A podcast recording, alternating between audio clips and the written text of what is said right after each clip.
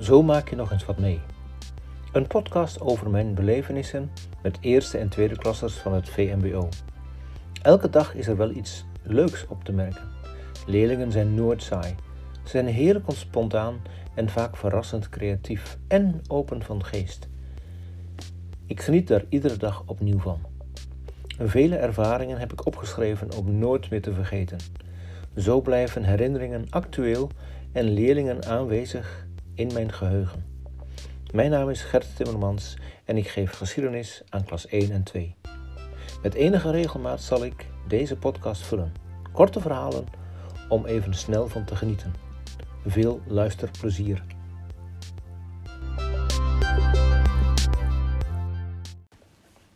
Mijn collega Nederlands komt de werkruimte binnenlopen en kijkt me aan met een blik van: Je hebt iets gemist. En toen: Je had erbij moeten zijn. Leerlingen van jouw mentorklas, TH2C, moesten presentaties houden. En wat Emma en Elina vertelden, slaat alles. Ik word nieuwsgierig. En dan vertelt ze in geuren en kleuren waar die twee dames expert in zijn geworden. Ik krijg steeds meer spijt dat ik er niet bij was.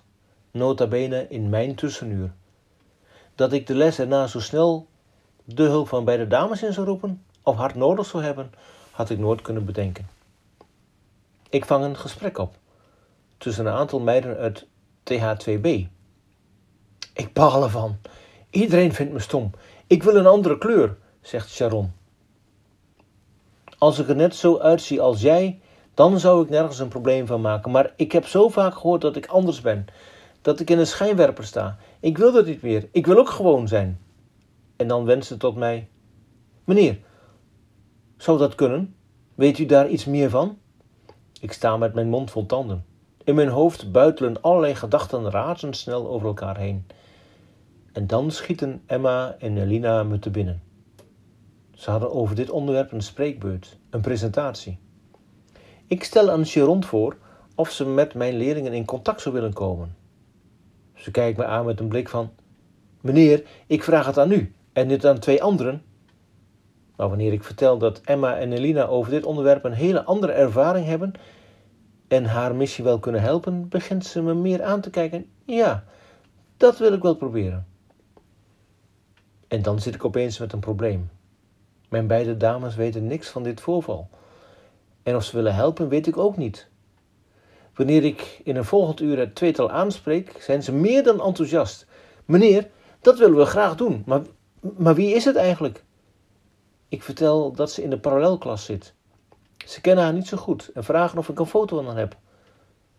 De klaslijst van de groep heb ik zo tevoorschijn gehaald. En dan worden ze allebei stil. Zij? roepen ze allebei tegelijk. Daar verbleken wij bij. Ze ziet er veel mooier uit dan wij. Maar dan komt meteen het probleem. Wat moeten we tegen haar zeggen? Ik bluf wat. Zeg maar gewoon waar jullie goed in zijn. Hoe jullie je uiterlijk ervaren. Hoe blij en trots jullie zijn op wat je hebt.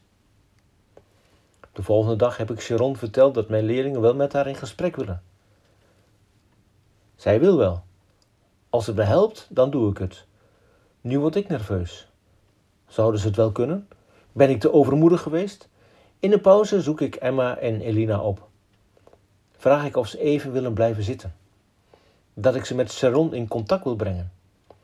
Ik haal Sharon uit de les van een collega en vertel haar in het kort dat ze kan praten met mijn mentorleerlingen. Even zit ik erbij om te zien of ze wel een klik hebben. En dan hoor ik ze in een bijzonder gesprek. Ze helpen elkaar. Ik loop snel naar de les waar ze wordt verwacht en meld dat ze wat later zullen komen. Ik heb ze tien minuten gegeven en laat ze alleen.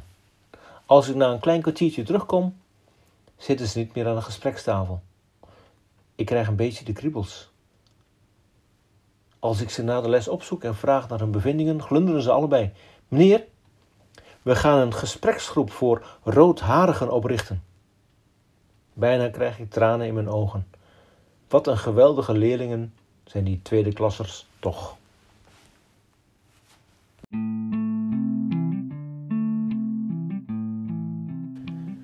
Dit was een verhaal uit de podcastserie Zo maak je nog eens wat mee. Mijn ervaringen met leerlingen waar ik elke dag voor sta en iedere keer weer van geniet. Wilt u meer van deze verhalen beluisteren? Abonneert u zich dan op deze podcast via uw favoriete podcastmedium. Mijn naam is Gert Timmermans en graag tot een volgende keer.